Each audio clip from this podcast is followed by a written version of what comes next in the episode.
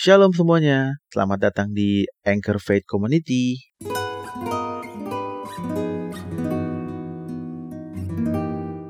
Gimana nih teman-teman kabarnya hari ini? Semoga semua selalu sehat ya. Hari ini kita akan merenungkan sebuah tema yang sangat menarik teman-teman, yaitu pengharapan akan surga.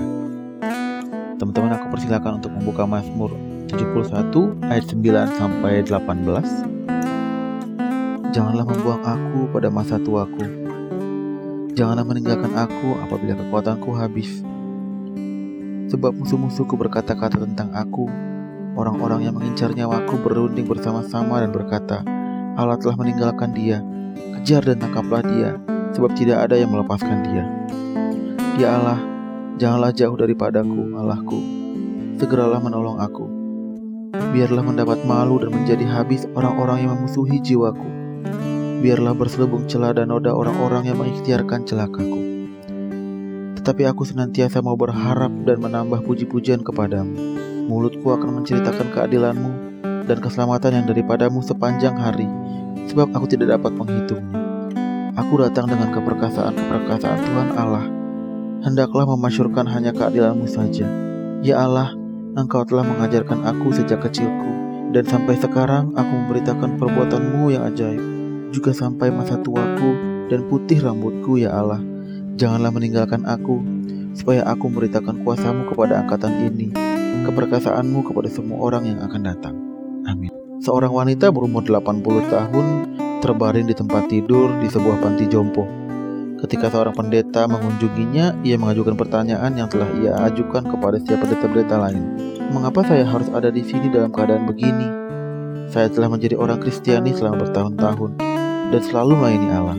Saya mengajar sekolah minggu dan membesarkan anak-anak saya sebagai Kristiani yang taat. Sekarang Lihatlah saya. Bisakah Anda memberitahu mengapa saya ada di sini dalam keadaan seperti ini? Di luar dugaan, sang pendeta menjawab, "Ya, saya bisa." Kalau begitu, beritahukanlah saya, ia memohon. Lalu sang pendeta meraih tangannya dan berkata dengan lembut, "Lanjut usia." Saya kenal seorang wanita Kristiani yang juga tinggal di Manti Jompo, tetapi dapat menerima usia lanjutnya.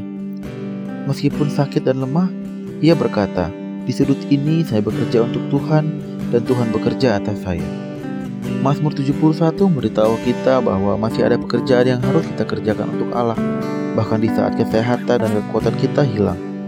Aku senantiasa mau berharap, ayat 14. Mulutku akan menceritakan keadilanmu, ayat 15.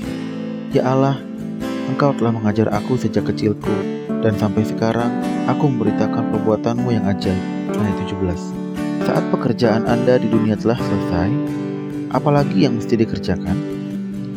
Dengan nasihat Tuhan menuntun kita dan Tuhan mengangkat kita ke dalam kemuliaannya.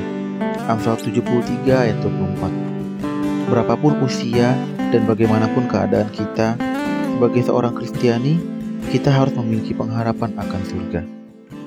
Iya, teman-teman. Sungguh firman Tuhan dan renungan yang luar biasa ya pagi hari ini. Jadi dalam renungan pagi hari ini kita semakin dikuatkan kembali teman-teman bahwa Tuhan pasti memiliki rencana yang luar biasa dalam hidup kita.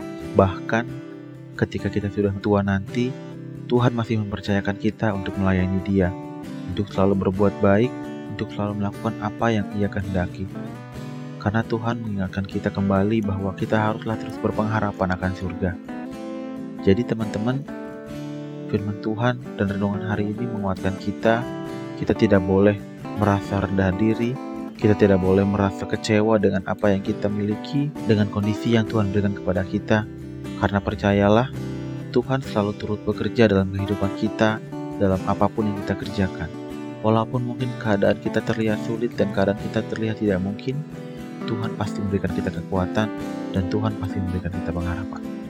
Kiranya firman Tuhan dan renungan yang boleh kita baca pada pagi hari ini boleh semakin memberkati kita, dan boleh semakin memberikan kita semangat dalam menjalani hari-hari kita. Tuhan Yesus memberkati. Amin.